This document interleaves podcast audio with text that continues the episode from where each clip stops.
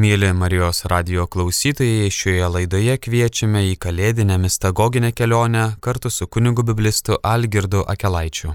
Klausysimės septintosios dalies. Iš Evangelijos pagal Joną. Pradžioje buvo žodis.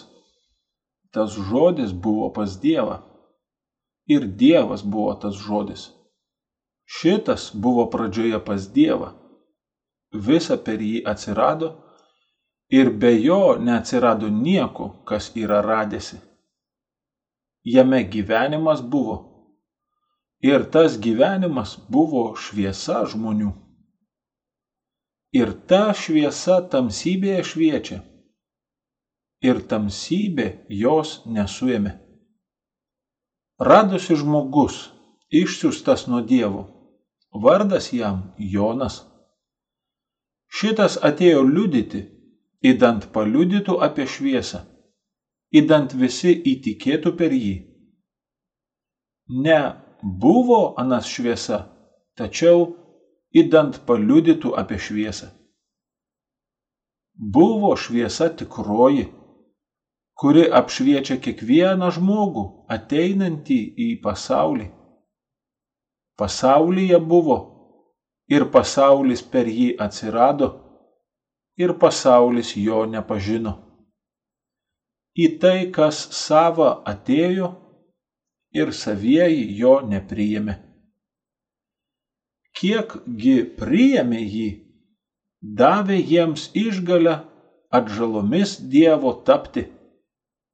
Tiems, kurie tiki į vardą jo, kurie ne iš kraujų, nei iš kūno noro, nei iš vyro noro, tačiau iš Dievo pagimdyti. Ir tas žodis kūnu tapo ir pasistatė padangtę mumise ir išvykome šlovę jo, šlovę kaip viengimio iš tėvo, pilno malonės ir tiesos. Jonas liudyja apie jį ir yra sušukęs, sakydamas, šitas buvo apie kurį pasakiau, paskui mane ateinantis prieš mane yra radęsis, kadangi pirmiau manęs buvo. Kadangi iš pilnatvės jo mes visi priėmėme malonę vietoj malonės. Kadangi įstatymas per mozę duotas o malonė ir tiesagi per Jėzų Kristų radosi. Dievogi niekas nėra matęs niekada. Viengimis Dievas, esantis tėvo prieglopstyje, anas pilnai išaiškina.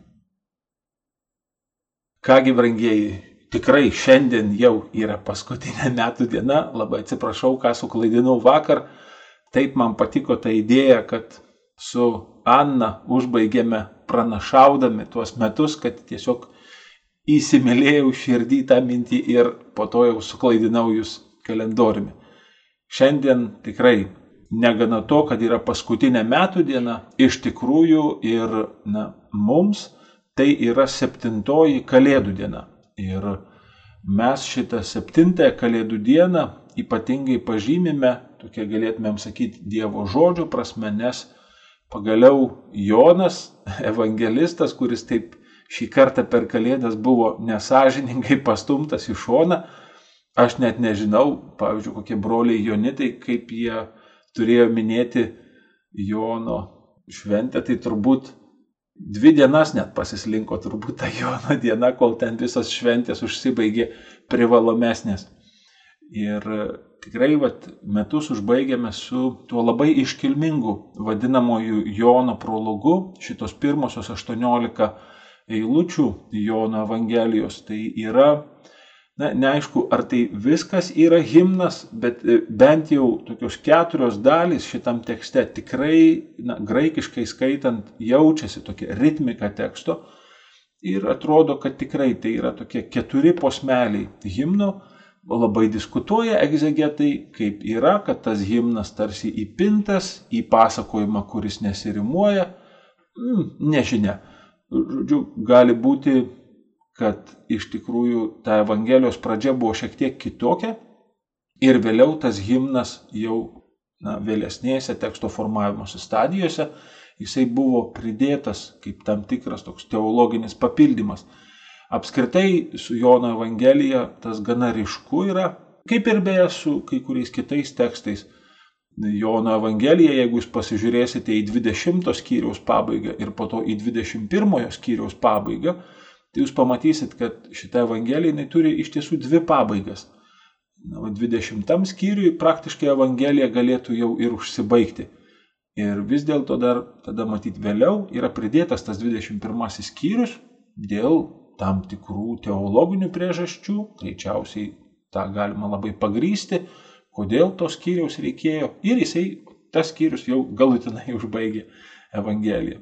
Panašiai ir Morkaus Evangelijoje mes randam tokius raidos pėtsakus kad greičiausiai tikroji pabaiga tokia ankstyviausioji Evangelijos buvo 16 skyriaus 8 eilutė, o vėliau dar praplėsta vieną, antrą, trečią kartą. Žodžiu, turim keletą skirtingų Morkaus Evangelijos pabaigų. O čia tai, ką randame, greičiausiai yra, na, vat, pradžios klausimas, kad ir pradžios tekstuose mes randame tokią teksto raidą, kurią galim netgi vat, išskirti pagal eiliuotą ir neįliuotą tekstą. Pats pirmasis posmelis, vat, toksai rimuotas tekstas, arba geriau sakyti, ritmiškas tekstas, tai yra tie pirmieji keturi sakiniai šitam prologė. Pradžioje buvo žodis, tas žodis buvo pas Dievą ir Dievas buvo tas žodis. Šitas buvo pradžioje pas Dievą. Um, iš tikrųjų tai yra labai iškilminga pradžia. Pirmieji na, va, tikrai sakiniai yra labai iškilmingi ir šitam himne ir aišku kartu Evangelijai. Tai yra žodis, kurį Dievas ištarė žmonėms.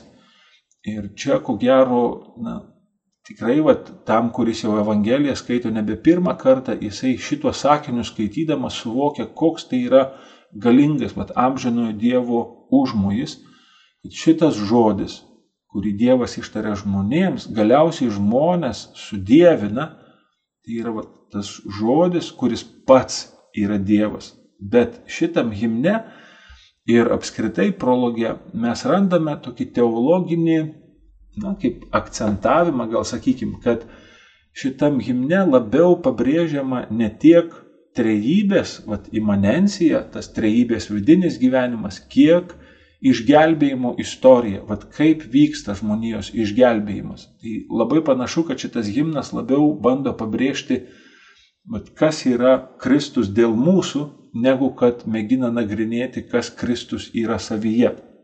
Ir, na, vat, kadangi tai yra himnas, tai čia net labai įdomu yra, nes visi tie himnai ankstyvieji, jie dažniausiai yra atėję iš liturgijos.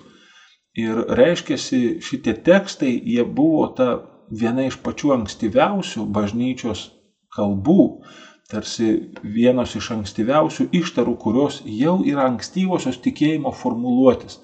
Vat kaip glaustai, nes liturgija labai mėgsta tą tokią poetinę, reiškia labai taupę, labai tokią gilių turinių kalbą, jau bažnyčia tenai mėgina, ko gero, išreikšti šitą Kristaus slėpinį Ir vat šitas pasirinkimas Jono evangelisto, kad jisai atveria savo evangeliją su tų graikišku terminu logos.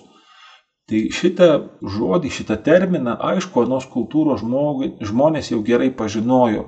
Logos tai buvo toks filosofų terminas ir čia helenizmo, vat, graikų kultūros kontekste, tai tas žodis jau buvo linksniuotas ne vieną ir ne du kartus Bet tai, kas yra ypatinga Jono Evangelijai ir netgi va šitam prologui, ką mes matysime, tai kad Jonas vartoja jį tokiu išskirtiniu būdu. Jam šitas logos turi labai savitą turinį ir jis, man pasiteldamas vienu vertus tą žodį, jisai iš tikrųjų pirmiausia žvelgia į Bibliją. Jisai pirmiausia žvelgia į biblinę Dievo istoriją su žmogum Ir čia be jokios abejonės, bet net ir mes, kurie irgi skaitome Senąjį testamentą, mes žinom, kad nuo pat pirmų eilučių Biblijos mes susidurėme su tokiais atgarsiais tarsi šitam pasakojimui, šitam himnui. Na, tie, kas yra skaitę Bibliją, pradžios knygos pirmasias eilutes, tai jie žino, kad pradžios knyga iš tikrųjų prasideda nuo tokių pačių žodžių. Pradžioje, pradžioje Dievas sukūrė. Mm, ir čia mes randame tokį šito himno arba evangelisto Jono reveransą tai pradžios knygai. Ir jisai vėlgi imasi to paties žodžio pradžioje. E, netgi taip gal bandydamas rodyti, kad tai yra, na, tokia lūkesčio vieta.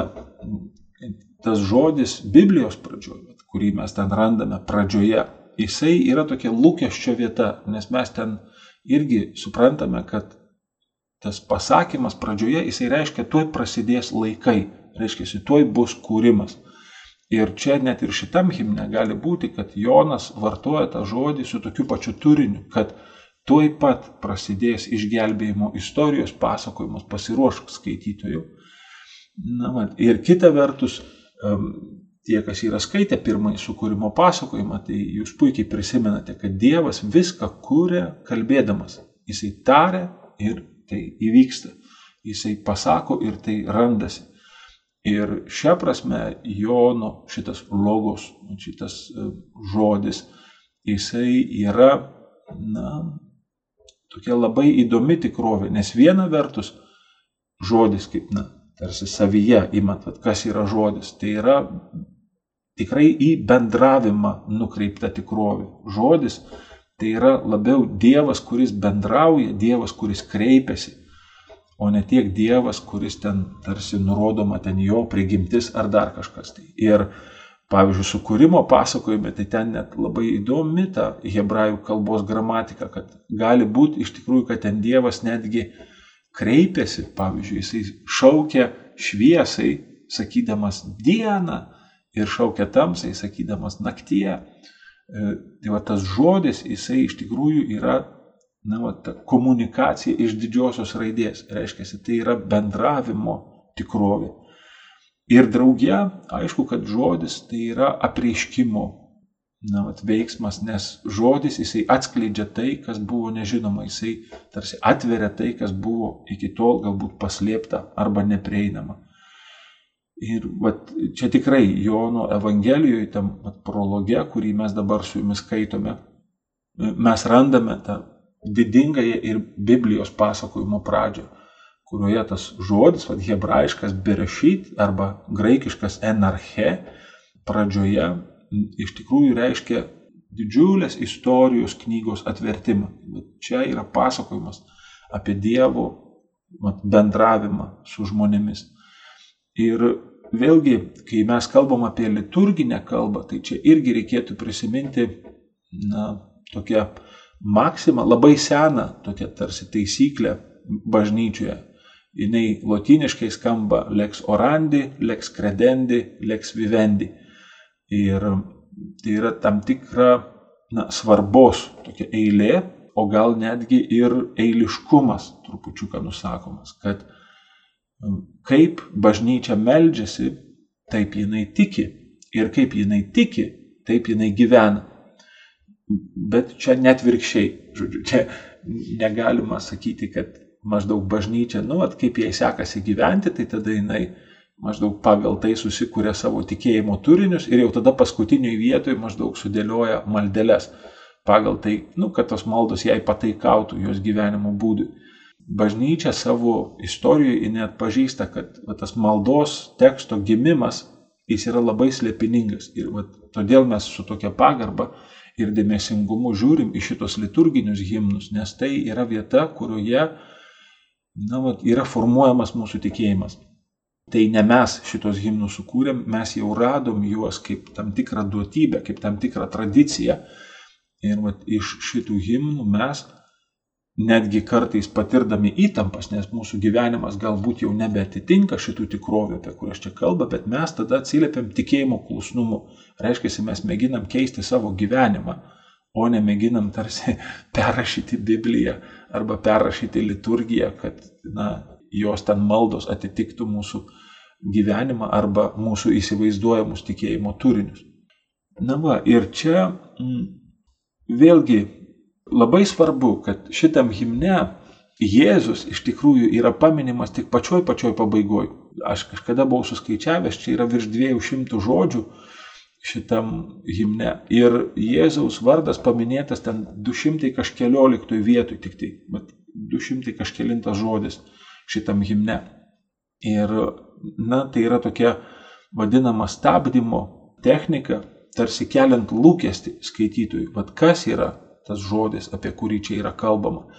Ir aišku, netgi jeigu skaitytojas jau ne pirmą kartą skaito ir jisai jau žino iš tikrųjų, na, kad, kad čia apie Jėzų yra kalba, vis dėlto tokia technika jam kelia lūkesti.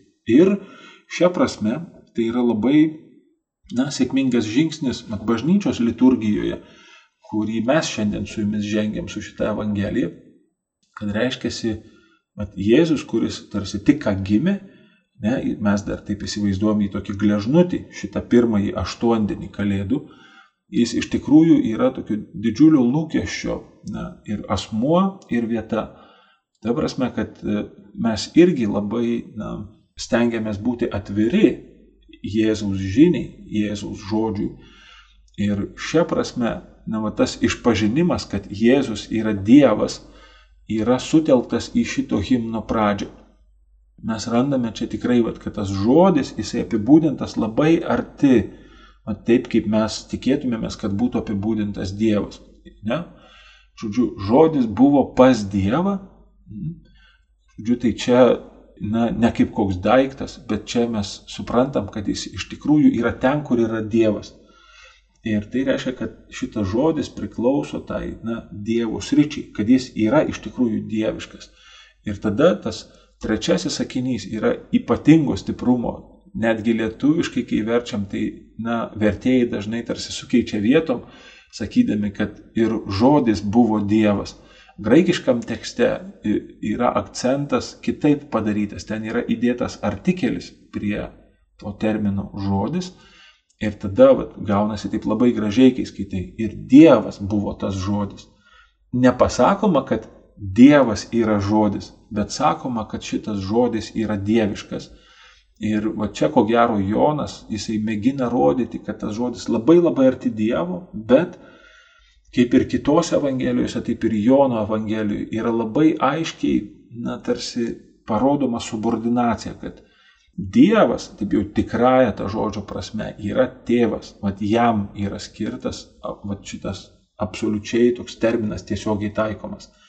E, Jėzus, vat, na, Jėzaus apibūdinimas kaip Dievo, tai jūs, vat, jeigu pamėgintumėt paskaityti Evangelijas, tai jūs pamatytumėt, kad, na, Evangelijose taip tiesiogiai tai vengiama iš tikrųjų pasakyti, kad Jėzus yra Dievas ir netgi, kad Jėzus yra Dievo sūnus. Ir tai, ko gero, irgi labai yra aiškiai susiję ir su paties Jėzaus laikysena, nes iš jo gimsta šitas supratimas, na, vat, kad iš tikrųjų jis yra visiškai klusnus tėvui. O gali būti, kad tai kyla iš to, kad iš tikrųjų net ir čia jau pačioj pradžioj šito prologo yra iš tikrųjų kalbama apie įsikūnijusio žodžio tikrovę kad čia nėra tas Jėzus, kuris yra trejybės asmuo, trejybės imanencijoje, bet kad čia kalbama apie tą Jėzų, kuris yra taip vadinamoji išgelbėjimo ekonomijoje. Reiškia, tas, kuris jau yra įsikūnijęs žodis ir kuris vat, visų savo elgesių, žodžiais ir darbais išpažįsta savo klusnumą tėvui. Tai va čia tas, kad tas žodis kaip ir apibūdinamas kaip dieviškas, bet iš tikrųjų jisai na, nerodomas kaip Dievas, nes Dievas yra tėvas. Ir ypač jeigu, sakau, mes čia suprantame, kad šitas žodis yra rodomas kaip jau įsikūnijęs žodis, reiškia Kristus savo tarnystėje, tada čia dar aiškiau darosi, kodėl, na, tarsi tas skirtumas tarp Dievo ir tarp Jėzaus yra išlaikomas. Antrasis posmelis šito himno prasideda trečioji eilutė. Ne? Visa per jį atsirado ir per jo neatsirado nieko, kas yra radęs, jame gyvenimas buvo ir tas gyvenimas buvo šviesa žmonių. Ir ta šviesa tamsybėje šviečia. Ir ta tamsybė jos nesuėmė. Va, žodis ir kūrimas e, yra labai susiję Biblijos tradicijoje nuo pat pirmojo sukūrimo pasakojimo, nuo tos išvalgos, kad Dievas viską kūrė žodžiu. Ir čia tikrai vat, yra labai tokios gilios ištaros, kad viskas yra sukurta per jį, bet drauge, kad ir jame viskas yra sukurta. Ir, na, tikrai man atrodo, kad tas vat, Kristaus kaip Dievo žodžio artumas kūrimui, jisai net ir mums gali padovanoti tokią labai ypatingą perspektyvą žiūrinti kūrinyje, kad iš tikrųjų kūrinyje jinai yra na, pažymėta Kristaus ženklu. Šita kūrinyje, kurią mes matome, kurią mes pažįstame, joje kažkokiu tai slėpiningu būdu mes matome mat, Jėzų, nematome Kristų, tą Dievo sūnų, na, kaip čia maždaug, na, neįsivaizduoju, kaip įsivaizduotumėm tarsi kokį Dievo, kaip charakterį, kaip menininko būdą, braižą, ne, kuris persmelkia menininko paveikslus ir, na, mes ten gal charakteringus kažkokius tai atrandam bruožus, bet iš tikrųjų tas menininko vadinamas stilius tai yra labai tokia visuma, kuri labai plačiai apima ne tik tai ten technikas kažkokias tai ar naudojamas medžiagas, bet iš tikrųjų ir na, sumanimo, ir mąstymo, ir aps, apskritai va, pasaulyje vaizdžio, na, tarsi integraliai apima visą visumą. Ir va tai, kad viskas yra sukurta per Kristų, iš tikrųjų mums krikščionims tai atveria labai tokią naują požiūrį į šitą aplinką, kurioje mes gyvenam. Ir va tai, ką, pavyzdžiui, dabar popiežius kalba apie ekologijos dvasingumą, ne, apie tai, kad pagarba šitam pasauliui, jinai yra labai tampriai susijusi su pagarba Kristui, nes šitas pasaulis nėra autonomiškas, jis tam tikrą prasme nėra toks visiškai atsietas nuo Dievo tikrovės, nes jis mums yra Kristaus atpažinimo vieta. Ir vėlgi reikėtų turbūt pabrėžti, kad čia dar ko gero mes nekalbam taip jau tiesiogiai apie įsikūnymą. Nes vat, įsikūnymo įvykis tai, ką mes na, minim šitą slėpinį per Kalėdas, jisai labiau turbūt, na, taip įsivaizduojamas jau dešimtoji eilutė, kurią mes dar su jumis skaitysime. Bet ka, kas tada yra šitas gyvenimas, apie kurį čia mes skaitom šitam antrajame himno posmelėje. Ir, na, vat, toks egzegetas Reimondas Braunas, jisai tokia išvalga pasiūlo, man atrodo, labai gražią išvalgą. Jisai sako, kad šitas gyvenimas tai yra tas amžinasis gyvenimas, kurį Dievas dovanojo žmogui kūrime. Ir na, tas medis, kurio vaisių valgydamas žmogus buvo pašauktas gyventi amžinai su Dievu, jisai drauge irgi labai susijęs su šviesa, kuri čia irgi šitam posmelėje minima, nes na, mes tikrai turėtumėm turbūt tokiu bibliniu būdu interpretuoti ir tą valgymą, vaisiaus valgymą nuo medžio, nes iš tikrųjų dažniausiai vaisiaus valgymas Biblijoje simbolizuoja išminties siekimą. Ir, na, mat, reiškia, kad tas žmogus, jisai buvo pašauktas į šitą klusnumą, kuris jam dovanojo ir amžinai gyvenimą, ir tobulą išmintį, bet klusnume Dievui. Na, ir ten ta kova, kuri įvyko, ne, vat, tai kaip Jonas interpretuoja, sakydamas, vat, kad tamsa pamėgino šitą šviesą apimti, ne, reiškia, jinai pamėgino tarsi uzurpuoti šitą išmintį, ją iškraipyti, užgošti šitą dievišką išmintį, bet nepaėgė to padaryti. Ir čia Jonas labai atidžiai vartoja laikus veiksmažodžiu, sako, gal taip net nenusekliai lietuviškai skamba, ne, kad ir šviesa tamsybė šviečia ir tamsybė jos nesujėmė. Tai čia aš siūlyčiau Jums pasidomėti tokią gramatinę kategoriją kaip veikslas. Ne veiksmas, bet veikslas. Mm, veiksmažodžiai turi tokį požymį, reiškia veiksmo pobūdis. Ir vat, esamojo laiko veiksmažodžiai graikų kalboje, jie turi tą vadinamą testinį veikslą, kad reiškia, tas veiksmas jis toksai yra kaip procesas, jisai tęsiasi.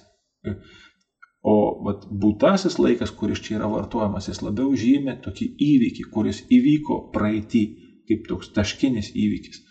Ir matai, kad ta tamsa pamėgino šitą šviesą apimti, ją užgneušti. Ir vis dėlto nepavyko ir todėl šviesa vis dar šviečia. Tai čia ko gero yra ir viena vertus labai tokia aiški, na, tarsi aluzija, toksai sąskambis su ta šviesa, kurią mes jau minėjome kalbėdami apie Simeoną, šviesa, kuriai nereikia saulės, šviesa, kurią Dievas mato ir šviesa, na, vat, kurią Dievas pavadina gera, pirmajam sukūrimo pasakojime. Ir aišku, ta šviesa, kuri vėliau jau bus siejama su Kristumi. Tai va čia labai įdomi ta Raimondo Brauno išvalga, kad čia mes randame tokius tarsi vat, kūrimo pirmosius žingsnius, kur jau amžinojo gyvenimo pažadas ir draugė ta išminties šviesa buvo žmogui pažadėta. Ir na, vat, įdomu ir tai, kad pavyzdžiui apreiškimo knygos 12 skyriuje tą garsiai vadinamą proto evangeliją, pradžios knygos trečios skyriaus, tą ištarą, ne, kad e, moters palikonis kirs gyvatį per galvą, o jinai tą gyvatę kas tam palikoniui į kulną. Na, vad Jonas interpretuoja šitą susiremimą kaip Jėzaus ir Šetono susiremimą. Tai tokia labai vėlyva interpretacija, bet tai dar mums duoda tokį tarsi patvirtinimą, kad ko gero net ir čia, vat, kai kalbam apie tą šviesos ir tamsos kovą, tai turbūt, kad na, vat, autorius šituo eilučiu jisai turi omeny kūrimo vat, įvykius galvoje. Ir tada su šešta ir septinta eilute tarp egzegetų vyksta irgi tokia nemaža diskusija. Jeigu mes laikomės tos himno teorijos, tai čia tas eiliuotas tekstas iš tikrųjų nutrūksta. Čia, kai pradedama kalbėti apie Joną, gali būti, kad iš tikrųjų čia buvo vat, ankstyvesniais laikais buvo tikroji Jono Evangelijos pradžia. Gali būti, kad Jono Evangelija prasidėjo labai panašiai kaip Morkaus Evangelija. Jeigu jūs pasižiūrėsit į Morkaus Evangelijos pradžią, tai jūs pamatysite, kad ten jisai sako, kaip pranašas išpranašavo, taip radosi dykumoje Jonas. Ir va čia mes irgi tada turėtumėm labai panašią pradžią, ne? radosi žmogus išsiųstas nuo Dievo ir jam vardas Jonas. Na, va, tai čia gali būti, kad čia tokia na, va, ankstyvoji Evangelijos pradžia, kuri vėliau buvo tarsi apkabinta to himno posmeliais ir jinai vis dėlto yra labai reikšminga, todėl kad čia mes randame gana aiškiai skirti tarp Jono ir tarp tos šviesos, kuri va čia minima šitam himne. Ir vat, šitos eilutės jos labai susijusios su vėliau pirmos skyriaus 19 eilute, kur mes skaitome, ne, kad Jonas išpažino nesigindamas, ne, aš nesu tas, kuo jūs mane laikote, ne, aš nesu Kristus. Mm, na, va, tai čia irgi ta pati mintis po to vėliau pratesiama ir aštuntoji eilutė. Ir čia na, vat, visa ta diskusija tarp egzegetų, na, toks didysis ginčas kyla iš to, kad yra įtarimas, jog vat, ankstyvosios krikščionybės laikotarpiu dalis Jono mokinių iš tikrųjų buvo linkę laikyti Joną Kristumi, Joną laikyti šviesa. Ta prasme, kad galbūt kartais būtent Jonui Krikštytui buvo priskiriamas tas titulas šviesa. E, ir čia jūs žinote, ne, kad na, Evangelijose irgi yra išlikę tokių liudijimų ne, apie tai, kad Jonas iš tikrųjų buvo labai ypatingas žmogus ir ten buvo masto, kas jisai toksai, kad netgi Jėzų laikė prisikėlusių Jonų krikštytojų erodas, ne, ir sakė, va, tai tada aišku, čia Jonas Krikštas prisikėlė ir todėl jame ir veikia va, tos stebuklingos galios. Na, va, tai čia gali būti, kad irgi yra netgi ir šitam prologe vat, išlikusių tokių mėginimų tiems ankstyviesiems krikščionis kažkaip, na, mėginimų diskutuoti su tuo metu ten visokiom klaidžiojančiom nuomonėm apie tai, kas yra Jėzus, ne, ką reiškia, kas yra Kristus. Tai čia gali būti, kad nuo pat pradžių šitos Evangelijos ir evangelistas mėgina labai aiškiai rodyti tiems, kurie skaitys, kad Jonas yra viso labo liudytojas, pašauktas paliudyti apie šviesą. Jis pats nebuvo šviesa, bet jo misija buvo paliudyti apie šviesą. Na va, ir čia mes devintoje eilutėje ateiname iki trečio posmelio šito himno. Ne? Buvo šviesa tikroji, kurie apšviečia kiekvieną žmogų ateinantį į pasaulį. Pasaulyje buvo ir pasaulis per jį atsirado ir pasaulis jo nepažino. Į tai, kas savo atėjo ir savieji jo nepriemė kiekgi priėmė jį, davė jiems išgalę atžalomis Dievo tapti, na, reiškia, vaikais. Na, va, ir čia po to tokio intarpo apie, na, tarsi tokia diskusija apie tai, kas yra Jonas, koks yra jo pašaukimas. Tada jau evangelistas sako, va, dabar ta šviesa, ja, va, kurią mes tarsi kaip tokį provaizdį matėm sukūrimo pradžioj, dabar jinai ateina nugalėti tamsos ir padaryti kiekvieno žmogaus, kuris tikėjimu atsiliepia į šitą šviesą, padaryti jo Dievo vaiku.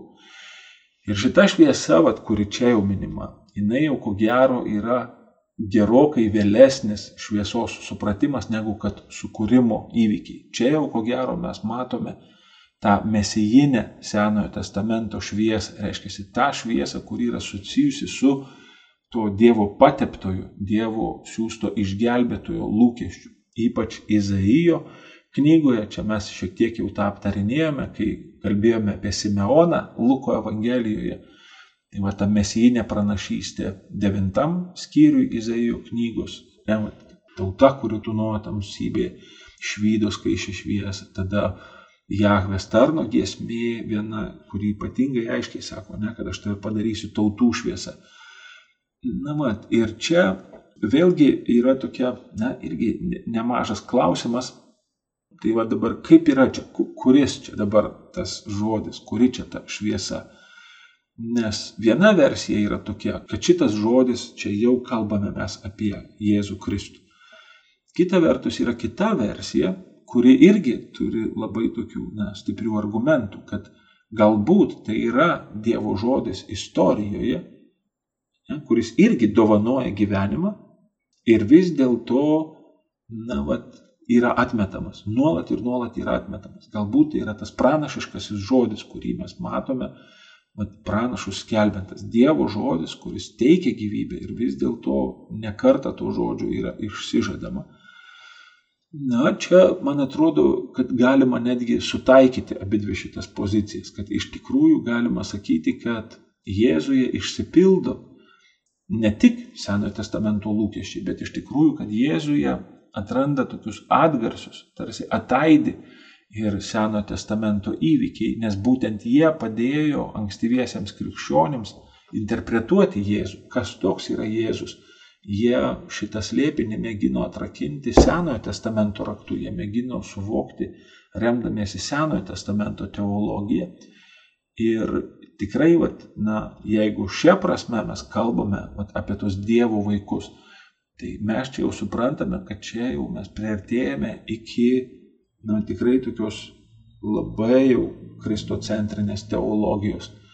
Nes aišku, kad na, tas gebėjimas Dievo, net ir Senajame testamente savo žodžiu patraukti žmonės, na, jis yra stulbinantis. Ir ten netgi tie, kurie nebuvo Izraelio tautos nariai, žmonės būdavo patraukiami šito Dievo. Mes žinom apie prozelitus, apie tuos, kurie irgi, na, laikėsi šito Dievo žodžio, pagal jį gyveno, nors net ir nebūdami šitos tautos nariai. Bet tai, kaip Kristus mus padaro Dievo vaikais, tai čia jau Jono Evangelijoje yra gelmių gelmė. Čia vat, apie tai mes nemažai kalbėjom Velykiniai, mistagoginiai kelioniai, va tenai šitą Jono teologiją apie mūsų buvimą Dieve per Jėzų Kristų ir su Jėzumi Kristumi. Tai tenai šitoj mistagoginiai Velykų kelioniai Tai šitas klausimas yra vienas iš esminių ir šitos, šita teologijos gyja yra labai ryški. Ir galiausiai mes priartėjame prie paskutinio posmelio šito prologo, tai 14 eilutės, kuris sako, ne, ir tas žodis kūnu tapo ir pasistatė padangtę mumise ir išvykome šlovę jo, šlovę kaip viengimių iš tėvų pilna malonės ir tiesos. Šitos eilutės na, mat, yra turbūt netgi ir tokia retorinė figūra, bet mes atpažįstam kai kurias retorinės technikas Evangelijos tekste ir viena iš tų technikų yra vadinamoji inkluzija. Tai reiškia, kad teksto pradžioj ir teksto pabaigoj yra, pavyzdžiui, atkartojama ta pati frazė arba panaši mintis, Bet jeigu jūs palygintumėt palaiminimų tekstą Mato Evangelijos penktam skyriui, tai jūs pamatytumėt, kad pirmajam palaiminime yra antrasis dėmuo, nes jų yra dangaus karalystė. Ir tada aštuntajam palaiminime vėl yra tokia pati palaiminimo pabaiga, nes jų yra dangaus karalystė. Ir šitą inkluzijos techniką, na, kartais yra sakoma, kad tai, ką jinai apima, tai va, tas dėmuo atsikartojantis parodo tarsi bendrą temą viso to, kas tam tarpe yra kalbama. Na, va, tai čia man atrodo, apie palaiminimus, tai labai gražu galvoti, kad reiškia visi tie palaiminimai mėgina apibūdinti, mat, na, kas yra Dievo karalystė, kas yra tas santykis su Dievu, kurį Jėzus žmogui dovanoja.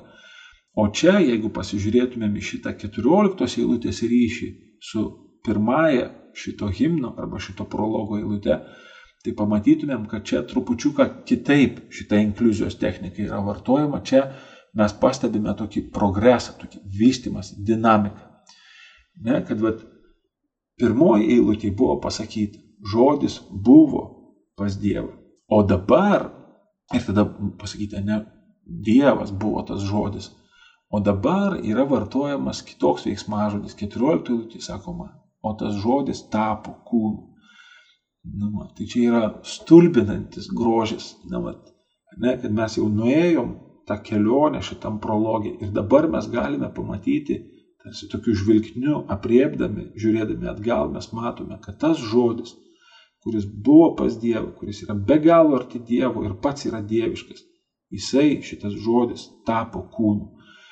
Ir kadangi tai yra sakoma tam pačiam himne, ne, ir ko gero čia ta tvarka nėra visiškai tokia chronologinė, tai čia turbūt tas himnas mėgina pasakyti, kad Šitas žodis, kuris tapo kūnu, jis yra tas pats žodis, kuris yra tas dieviškasis žodis.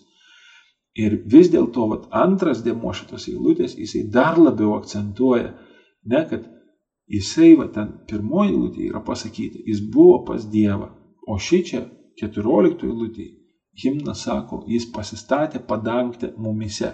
Hm? Čia nežinia, ar, ar mumise tai reiškia, na, mumise viduj, ar mūsų tarpe. Nu, čia graikų kalba ne visai aiškiai tą pasako. Bet e, eilutę jinai labai gražiai tarsi pastato šitas, na, mat, abi dvi tiesas vieną greta kitos akivaizdžiai, kad amžinasis žodis yra įsikūnijęs žodis. Ir kad šis strofa viena vertus yra tarsi apibendrinimas, na, tai tarsi toksai anspaudas šitam himnui, bet kita vertus aišku, kad jinai tada, šitą strofą, jinai iškelia tokį labai aišku klausimą, tai kaip tada tas žodis yra mūsų tarpe? Ką reiškia? Reiškia, mes turime jį matyti, mes turim žinoti apie šitą žodį. Ir šia prasme tai yra toks jau atidarimas durų į Evangeliją. Tai yra kvietimas skaitytojui atversti Evangelijos kitą puslapį ir skaityti apie šitą įsikūnijusių žodį. Ir vėlgi čia na, mes kalbėjom apie tai mistagoginiai Velykų kelioniai, apie tą tokį tikrai skandalingą žodį, kai mes kalbam apie Jėzų, nes, na, mat, kai mes sakom, kad žodis tapo kūnu, tai mums čia dar ne visai taip, na, rėžia ausį, bet kaip jūs žinote, graikų kalba, jinai turi du žodžius kūnui. Vienas iš jų yra soma, tai soma, galėtumėm sakyti, tai yra toks kūnas kaip narių visuma. O vat Šį čia evangelistas vartoja žodį sarks. Ir va tas sarks, tai yra va tai, ką anglakalbiai verčia žodžiu flesh. Mes lietuviškai, na, neturim tokių žodžių. Mes galėtumėm tarsi sakyti, va, mėsa, nu, nes flesh tai reiškia mėsa. Mes sakom tada, na, kūniškas, va, tas kūnas kūniškumo atžvilgių, ta prasme, kaip dvasios, na, prieštara. Bet iš tikrųjų, na, va, tai, kad šitas žodis tapo, na, va, ta mėsa, reiškia, ne, va, šito flesh, va, tuo tokiu kūnišku kūnu, yra tam tikra prasme dvigubas skandalas. Kad viena vertus, tai yra tarsi toks Dievo pažeminimas, ne, kad va, tas žodis, kuris na, yra dieviškas ir kuris yra pas Dievą, jisai dabar staiga atsiranda tarp žmonių, Ne, ir kažkaip na, mes iš tokios pagarbos Dievo didybė mes visuomet esame linkę ats, atskyrę laikyti šitas dvi sritis, tai Dievo sritį ir žmogaus sritį. Ir kita vertus, kad na, va, šitas sarks, šitas flesh, jisai yra silpnas kūnas, jis yra mirtingas kūnas. Ir tai yra va, tas antrasis skandalas, kaipgi šitas dieviškasis žodis, kuris yra pas Dievą, kaip jisai gali būti silpnas ir jo labiau, kaip jisai gali būti o šitas sarks, kuris yra mirtingas. Bet e, evangelistas šitoje vietoje labai atidžiai renkasi žodžius. Ir čia ko gero gal irgi netgi mes galime užčiuopti tokią, na, tarsi apologetinę kalbą, tokį diskusiją su anuo metu gana populiariomis kai kuriomis erezijomis, kad iš tikrųjų evangelistas labai vengia tokių pasakymų, kad tarsi žodis įžengė į kūną, ne, arba kad žodis gyveno kūne. Ne, ne, evangelistas labai čia aiškiai rėžia, kad žodis tapo šituo sarks. Ne kažkokiu tai būdu ten apsivilko šitas sarks, tarsi, ar ten persmelkė šitas sarks. Ne, žodžiu, žodis tapo kūniškas. Hmm? Ir drauge, aišku, jeigu mes vėl prisimename, kad žodis tai yra na, visų pirma bendravimas, žodis yra kreipimasis, tai šia prasme šitas žodžio tapimas kūnu yra apreiškimo pilnatvė, nes reiškia, Dievas prabyla su žmonėmis žmonių kalba, jisai atsistoja kaip lygus su mumis, kaip vienas iš mūsų. Ir vat, šitas Jono prologas, jisai ypatingų būdų ir labai gražiai atskleidžia dar vieną tarsi, na, tokį aspektą, ką reiškia tas vardas Immanuel. Ne, vat, su mumis Dievas. Kad tas su mumis, tai reiškia na, ne tik tokį na, vat, fizinį, ar ten istorinį, ar vat, kūnišką tarsi artumą, kad jisai toks kaip mes, bet kad iš tikrųjų Dievas kalbasi su mumis taip, kaip mes kalbame tarpusavyje, kad jisai sugeba atrasti tą žodį, žmogišką žodį ir pats tampa kūniškas, pats tampa kūnu, kad iš tikrųjų galėtų su mumis kalbėtis, į mus kreiptis tuo pačiu žmogiškiausiu būdu, kaip būdamas vienas iš mūsų.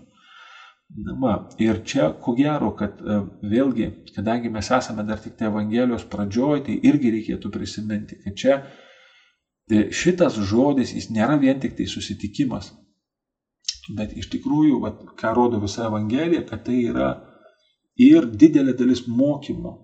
Reiškia, kad Jėzus jisai ateina tam, kad mus pakviestų į mokinių bendrystę.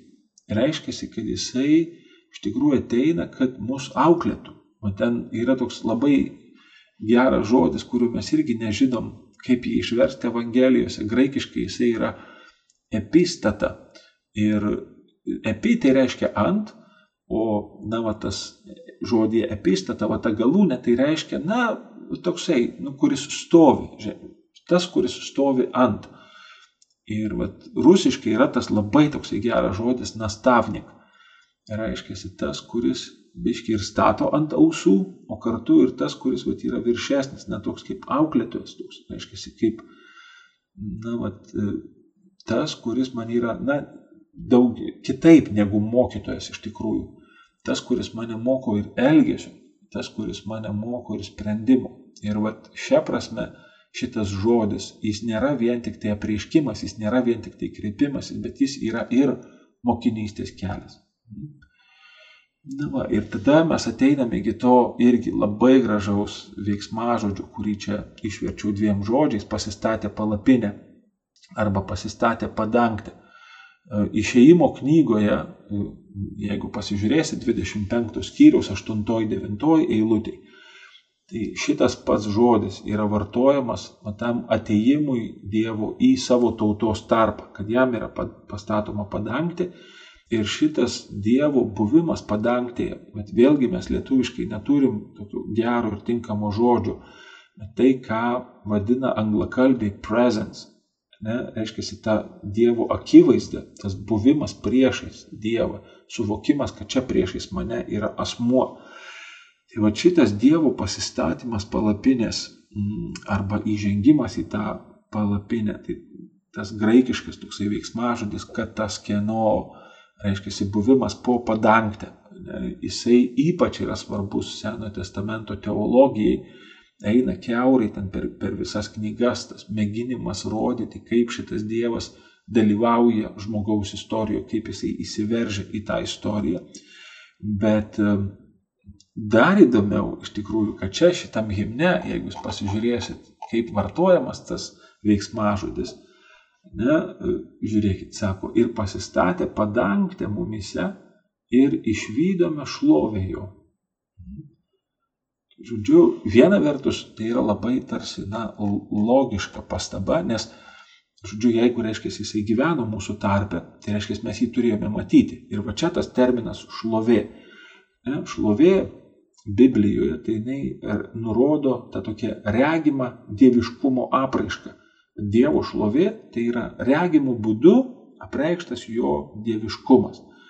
Mm, ir čia vat, tas pats Raymond Brown, jisai labai tokia irgi įdomi teorija iškelia šitoj vietoj, kad nors mes Jono Evangelijoje ir nerandame atsimainimo scenos aprašytus, jisai klausia, atsvarstydamas apie šitą himną, ką reiškia tada šitas mes išvykome jo šlovę.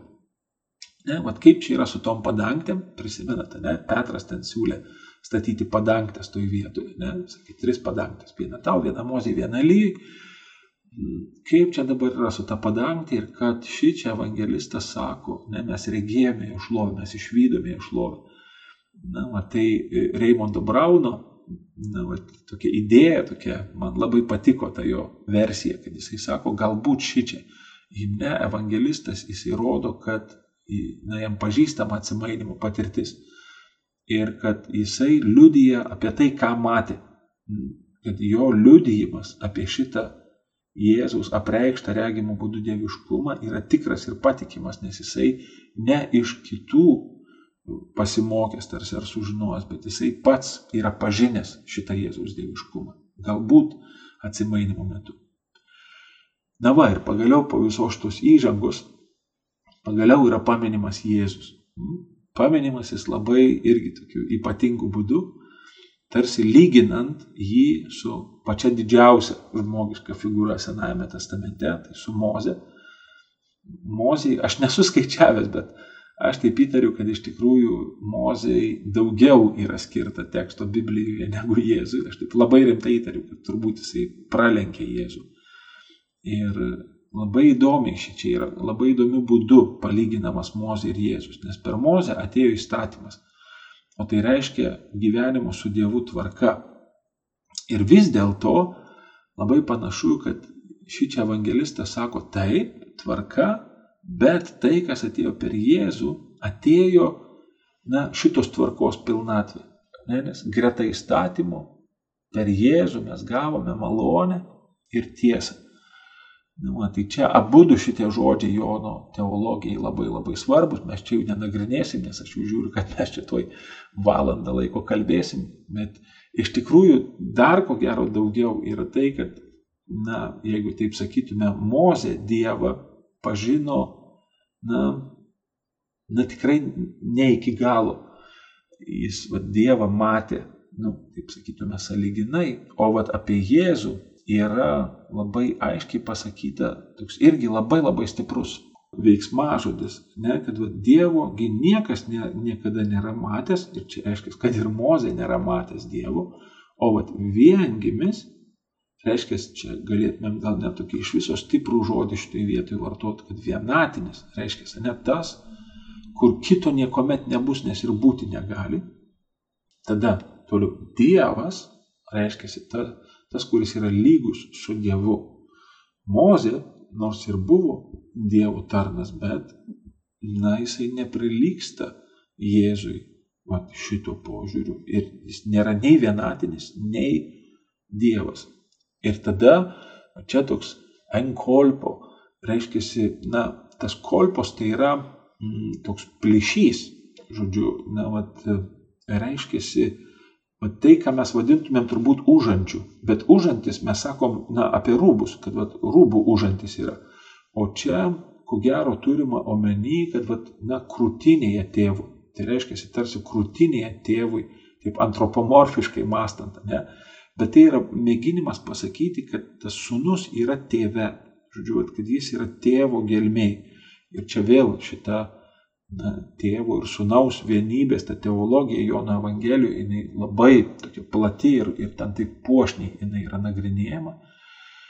Na va ir va šitas, kuris yra tam tėvo prieglopstyje, šitas pilnai išaiškina, čia toksai žodis graikiškas egzegezato, ne, va, čia Jėzus yra Dievo egzegetas, ne, ne, ne tas, kuris tai tarsi kaip objektą tą Dievą nagrinėja ir čia jį kažkaip sugeba, na, tarsi, na, atskleisti, atskleisti. Bet kaip tik žodžiu, kad šitas įsikūnijęs žodis, jisai yra visiškai vienybėje su tėvu unikaliu būdu, kaip dieviškas žodis. Ir šią prasme jo apreiškimas yra tikras ir patikimas, taip kaip jisai sako Nikodemui kad mes liudijame tai, ką matėme. Žodžiu, tai man atrodo, kad čia labai gražus būdas bažnyčios, taip gražiai šiais metais labai sutampa, kad mes septintąją kalėdų dieną švesdami, trupučiuką kaip Simeonas, tarsi užbaigdami šitos metus, kurie ir tokie, na, daugam neramus, o kai kuriems tai ir iš vis netektim pažymėti buvo vis dėlto mes iš čia išeiname vat, su tom atvirom durim į Evangeliją, kad greta tarsi tokių vat, įstatymų, reiškia tokios, na, taisyklės, o kaip gyventi su Dievu. Vis dėlto Kristuje, tame, kuris gimė, mes patiriame Dievo malonę ir jo tiesą. Vis tik tai ta tiesa, kuri mus padaro laisvus. Ir čia, ko gero, kad, na, tas toks bažnyčios mūsų vedimas su šito liturginiu himnu Jisai kviečia na, daryti irgi tokį liturginį žingsnį, atsiverti tai teologijai bažnyčios, tam tikėjimų liudijimui ir kartu tokiai, na, užtarimui bažnyčios, kuri aišku mus tarsi įvesdina ir į šitos naujosius metus, kur mes gal sunerime, nežinom, kas mūsų laukia. Dabar dar toksai nelengvas laikas, kai ir tos kantrybės mums mažėja ir, ir kažkaip gal tokio irzulio atsiranda vis dėlto tikrai daryti pasitikėjimo žingsnį, kad Kristus yra ir mūsų mokytojas. Ir kad va, šitas žodis, kuris įsikūnyja, va šituo laiku mes švenčiame jo įsikūnymą, jis yra Dievo kreipimasis į mus. Kad visus, kurie tikėjimu į šitą žodį atsiliepia, šitas žodis gali padaryti Dievo vaikais. Garbė Jėzui Kristui. Mėly Marijos radio klausytojai, šioje laidoje leidomės į kalėdinę mistagoginę kelionę kartu su kunigu biblistu Algirdu Akelaičiu. Klausėmės septintosios dalies. Likite su Marijos radiju.